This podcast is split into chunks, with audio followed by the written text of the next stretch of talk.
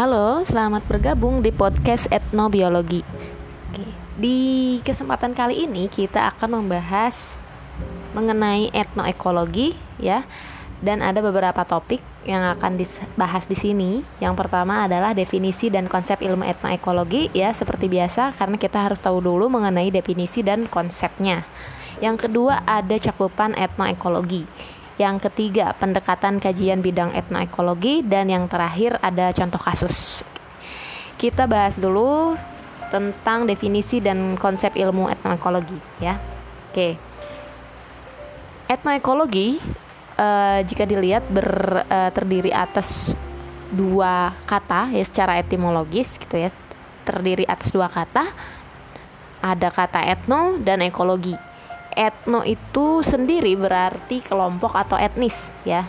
Dan ekologi itu berarti interaksi antara biotik abiotik dengan lingkungannya ya. Oke. Jadi eh, pengertian atau definisi etnoekologi dapat diartikan sebagai studi yang mendeskripsikan tentang timbal balik antara masyarakat lokal dengan lingkungan alam sekitarnya menurut Martin tahun 1995. Ya. Oke, kemudian eh, konsep etnoekologi ya. Jadi eh, sebetulnya banyak yang mendasari pemikiran uh, atau konsep etnoekologi ini.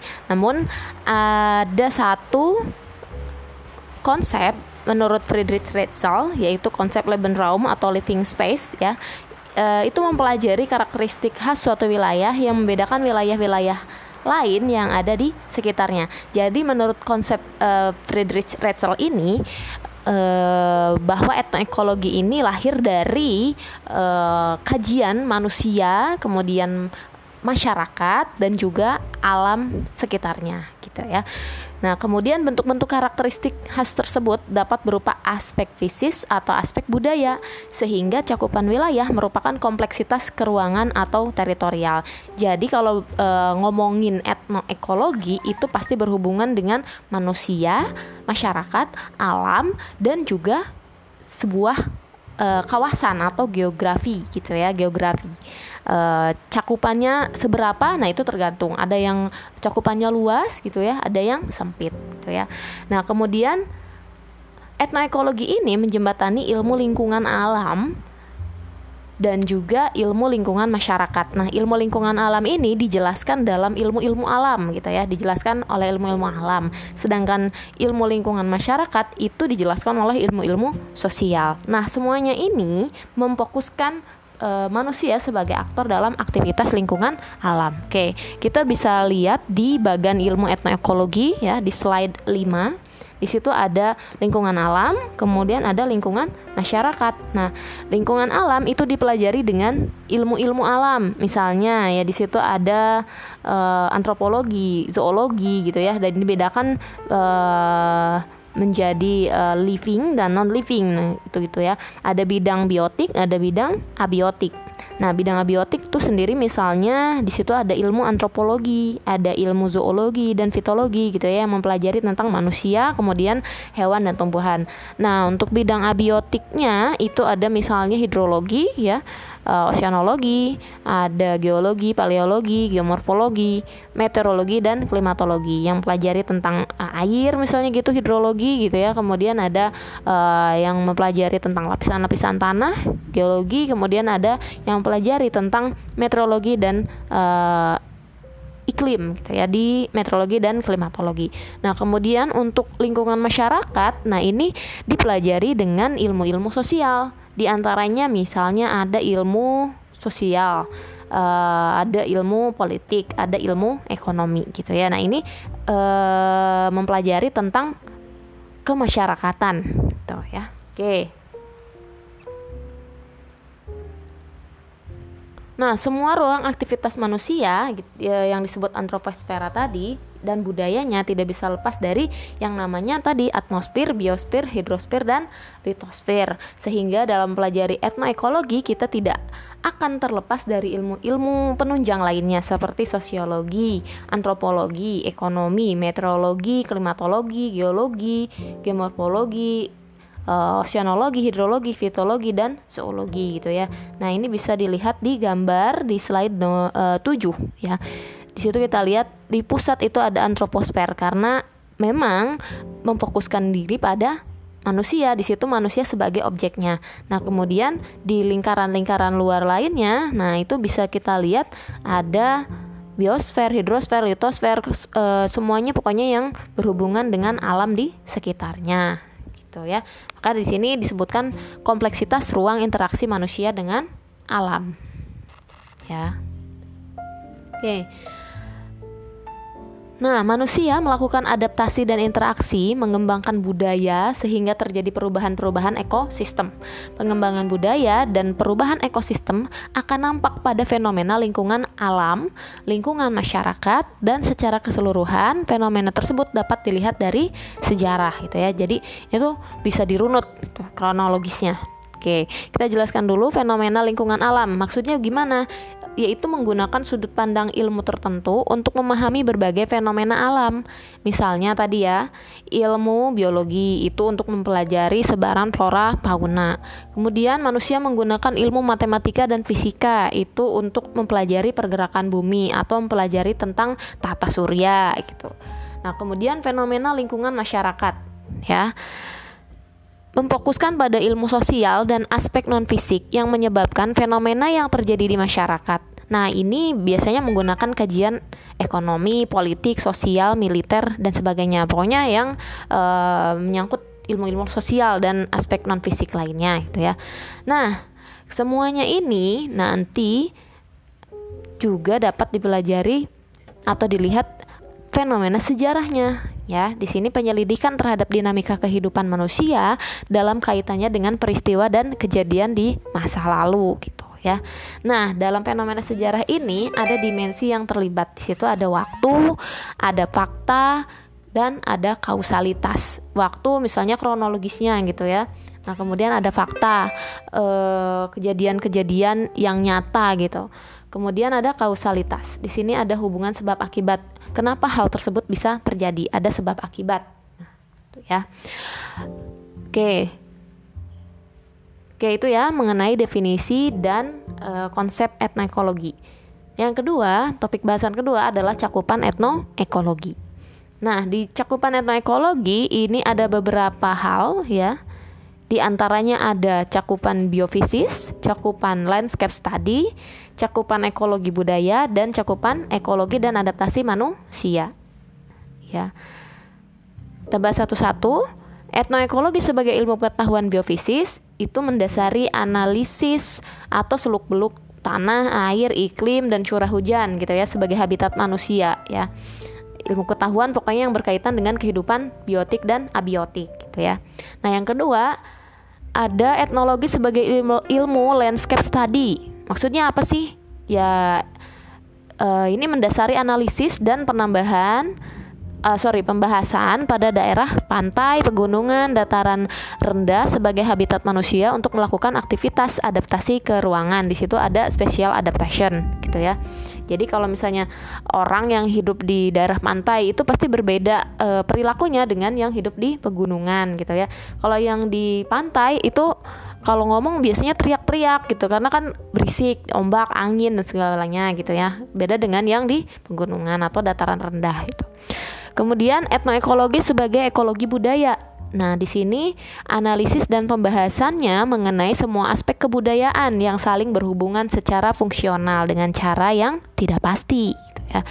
Kemudian yang keempat, etnoekologi sebagai ilmu ekologi dan adaptasi manusia. Nah, di sini analisis dan pembahasannya mengenai adaptasi manusia bersama budaya yang melekat terhadap habitatnya dan makhluk hidup lainnya. Ya. Oke, itu tadi mengenai cakupan etnoekologi. Ya, kita lanjutkan ke subtopik ketiga, pendekatan kajian bidang etnoekologi. Ya, pendekatan kajian bidang etnoekologi menurut Sumat Maja dan Arif, ya, itu ada empat. Yang pertama, pendekatan keruangan atau spatial approach. Yang kedua, pendekatan ekologi atau ecological approach. Yang ketiga, pendekatan sejarah atau chronological approach. Dan yang terakhir, ada pendekatan sistem atau sistem approach. Ya. Oke.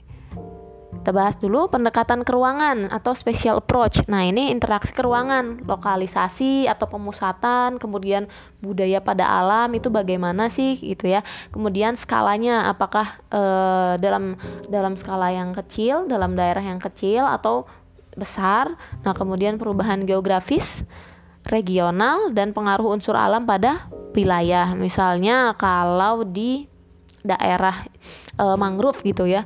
Nah, itu kan ada unsur-unsur alam di situ yang mempengaruhi. Misalnya ada pasang surut, kemudian salinitas. Nah, itu biasanya e, cocok untuk daerah pertambakan gitu.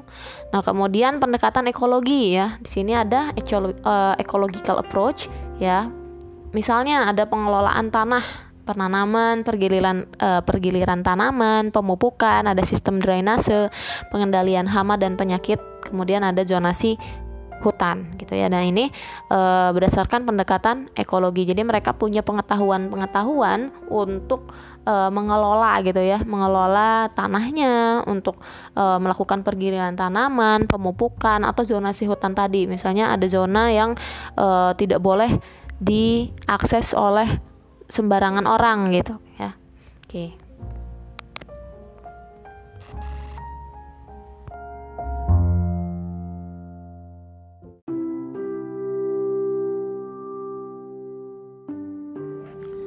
Nah, pendekatan yang selanjutnya itu ada pendekatan sejarah atau chronological approach ya. Jadi, pendekatan yang memfokuskan perkembangan dinamis dari suatu kajian suatu interaksi manusia dengan alam berdasarkan proses kronologis dengan memahami kurun waktunya. Cara misalnya cara pengelolaan lahan oleh masyarakat transmigran uh, di Lampung itu berbeda dengan etnis Semendo atau etnis setempat gitu ya Mengapa hal tersebut bisa terjadi? Karena e, masyarakat transmigran atau pendatang itu e, berasal dari Jawa pada tahun 1905 ketika e, apa namanya penjajahan Belanda itu ya. Nah, mereka pindah ke Lampung kemudian e, mereka tetap menggunakan cara-cara bercocok tanam e, seperti halnya mereka masih di Jawa gitu. Tapi berbeda halnya dengan yang uh, suku Semendo. Misalnya di tabel praktek lokal ecological knowledge kita bisa lihat di situ perbedaannya. Misalnya kalau etnis Jawa itu mengelola tanah dan membuat sistem drainase itu secara intensif ya. Sedangkan uh, etnis Semendo kurang intensif gitu. Kemudian pemupukan kalau suku Jawa biasanya dilakukan awal penanaman kurang lebih 3 sampai 4 bulan dan satu tahun setelah tanam ya menggunakan pupuk kandang. Tuh kalau misalnya semendo itu e, dilakukan pada awal penanaman jika tersedia pupuk dan menggunakan pupuk kandang gitu kan. Kemudian penyiangan e, kalau Jawa itu dilakukan tiga kali setahun, kalau semendo itu dilakukan dua kali setahun. Nah, perbedaan-perbedaan ini itu kalau misalnya e, memakai pendekatan sejarah, maka dapat diketahui ya bahwa e, sebelum-sebelumnya dahulu kalanya bahwa e, ada transmigran atau pendatang yang telah lama e, menghuni daerah yang ada di Lampung dengan membawa kebiasaan atau lokal knowledge sendiri mengenai peng, mengenai pengelolaan lahan. Oke, kemudian pendekatan selanjutnya adalah pendekatan sistem ya atau sistem approach ya. Jadi ini suatu kesatuan usaha yang terdiri dari bagian-bagian yang berkaitan antara komponen dan mempunyai tujuan dalam suatu lingkungan yang kompleks ya menurut Marimin tahun 2009. Nah, e, sebuah sistem atau dalam sistem approach ini sistem itu bisa sebagai metode, bisa juga sebagai wujud benda Misalnya kalau sebagai metode itu bisa berupa tata cara gitu ya, prosedur gimana e, menanam e, padi di ladang di ladang atau padi sawah gitu kan. Itu punya tata cara dan prosedurnya sendiri-sendiri. Ya, jadi e, mereka memiliki aturan-aturan gitu ya. Kemudian sebagai wujud benda. Nah, ini misalnya nih ada traktor atau kapal laut Nah, itu kan e, untuk menjadi sebuah traktor atau kapal laut itu terdiri dari komponen-komponen penyusun lainnya sehingga e, ber, ber, nanti membentuk satu wujud atau benda gitu ya. Bisa juga masyarakat atau pemerintahan ya. Oke. Nah, contoh sistem penanggalan pertanian Pranata Mangsa atau Pranoto Mongso ya di Jawa dan di Sunda. Nah, biasanya mereka sudah mengembangkan ya dari pengetahuan mereka uh, yang berhubungan dengan uh, astronomi gitu ya, dengan perbintangan dan dikaitkan dengan uh, iklim, cuaca gitu dan musim gitu ya. Jadi di situ ada waktu-waktu uh, tertentu yang uh, mereka gunakan sebagai penanda untuk mengawali misalnya men, uh, bercocok tanam, kapan saatnya uh, kapan saatnya melakukan pemupukan misalnya gitu atau kapan saatnya untuk dipanen gitu ya. Oke, ini contohnya ya. Di komunitas Baduy dalam bercocok tanam masih teguh berladang secara adat ya. Nah, berladang secara adat ini merupakan sebuah kearifan ekologis gitu ya. Di sistem ladang secara adat itu dibedakan menjadi dua kategori ya. Ada integral sistem, ada parsial sistem. Kalau integral sistem itu sistem perladangan dilandasi oleh moral agama sehingga usaha ladang tersebut tidak semata-mata mementingkan ekonomi, tetapi sangat memperhatikan terhadap keberlanjutan lingkungan. Kenapa? Karena mereka memiliki pengetahuan mendalam tentang lingkungannya tadi. Mereka sudah seperti menyatu dengan alam gitu ya. Mereka punya penanggalan bercocok tanam sendiri itu yang sudah dikembangkan uh, sangat lama gitu bertahun-tahun dan turun temurun gitu ya kemudian ada parsial sistem Nah, kalau parsial sistem itu sistem perladangannya hanya dilandasi oleh kepentingan-kepentingan ekonomi ya, semata-mata hanya kepentingan ekonomi. Para peladang tersebut tidak memiliki pengetahuan yang mendalam tentang lingkungannya, sehingga akibat perbuatan peladang tersebut, lingkungan menjadi hancur dan sistem perladangan e, tidak terlanjutkan atau tidak apa sustainable gitu ya. Misalnya kelompok ini e, petani ladang pendatang Bugis yang berkebun lada di daerah-daerah e, hutan bekas HPH di Kalimantan gitu. E, saya kira untuk uh, di zaman ini juga banyak ya yang hanya mementingkan kepentingan ekonomi saja tetapi tidak memperhatikan uh, sisi ekologisnya gitu. Uh, sehingga pertanian atau misalnya apa namanya tadi untuk bercocok tanam itu tidak bisa berlanjut gitu. Tidak bisa berkelanjutan gitu mereka setelah membuka lahan kemudian memanen udah ditinggalkan gitu begitu saja gitu sehingga lingkungannya menjadi rusak ya. Nah, kearifan ekologis ini itu bisa berupa pengetahuan lokal atau local knowledge. Ya, ada juga yang menyebutnya sebagai indigenous knowledge dan lain-lain banyak istilahnya gitu ya. Pengetahuan lokal ini memiliki istilah yang beraneka ragam di dalam bahasa Inggris tadi ya sudah disebutkan. Itu macam-macam bisa dilihat di slide uh, eh, 16 gitu ya. Ada yang indigenous knowledge, traditional environmental knowledge gitu. Bahkan uh, tuning intelligence gitu ya menurut Ellen tahun 2002 ya nah di slide 17 kita juga bisa melihat uh, yang tadi ya sistem penanggalan Jawa dan Sunda untuk pertanian di situ mereka mengenal beberapa apa namanya mangsa atau bulan gitu ya yang mereka namakan ada kaso ada uh, karo ada katigo gitu ya sampai nanti ke apit kayu ya atau hapit kayu. Nah, itu masing-masing bulan atau mangsa tadi ya, mereka e, bisa menandakan dari ciri-ciri pada alam atau tanda pada alam gitu ya. Misalnya di Kaso ya, bulan Kaso itu 41 hari mulai 22 Juni sampai 2 Agustus. Anginnya bertiup dari timur laut menuju barat daya.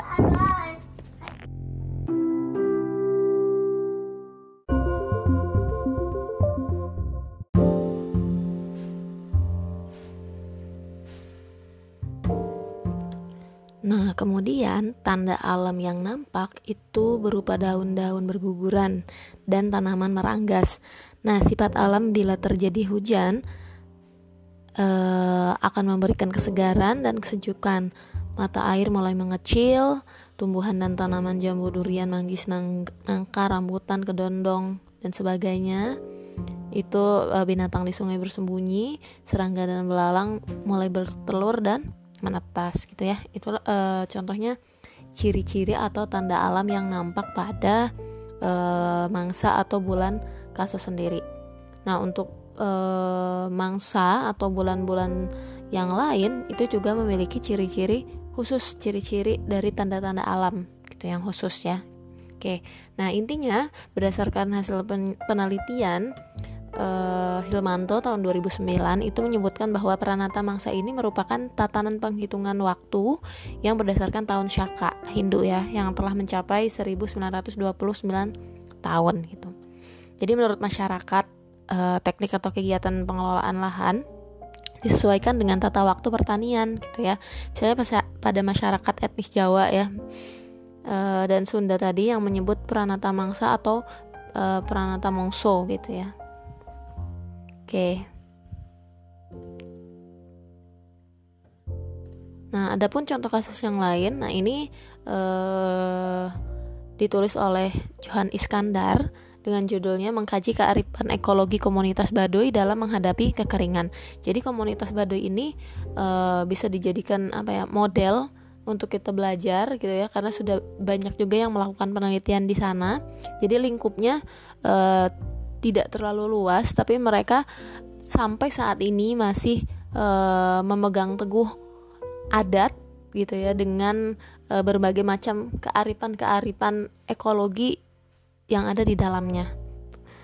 Oke, kita uh, bahas dari artikel tersebut ya. Uh, ini salah satu isinya jadi ketika krisis ekonomi nasional dan El Nino tahun 1997 melanda Indonesia dan juga timbul bencana kekeringan tahun 2002, penduduk Baduy secara umum tidak mendapat gangguan serius gitu ya. Walaupun terjadi krisis ekonomi, mereka tidak merasakan akibat kenaikan uh, drastis dari harga-harga pupuk kimia dan pestisida. Kenapa? Karena salah satunya adalah sistem ladang mereka tidak menggunakan asupan modern tersebut tadi ya disebutkan mereka punya sistem sendiri uh, misalnya itu ada padi huma mereka harus menanam padinya itu di apa namanya tuh lahan-lahan kering gitu ya Oke, sedangkan terjadinya bencana kekeringan juga tidak menjadi gangguan berat pada sistem ladang tradisional Baduy. Karena penduduk Baduy di dalam menggarap ladang secara budaya mengembangkan keanekaragaman varietas padi dan keanekaan jenis-jenis tumbuhan non padi gitu ya. Oke, beberapa faktor komunitas Baduy tidak terdampak krisis ekonomi, El Nino dan kekeringan itu di antaranya nih satu ya. Komunitas Baduy mempunyai pengetahuan mendalam tentang penanggalan tradisional gitu.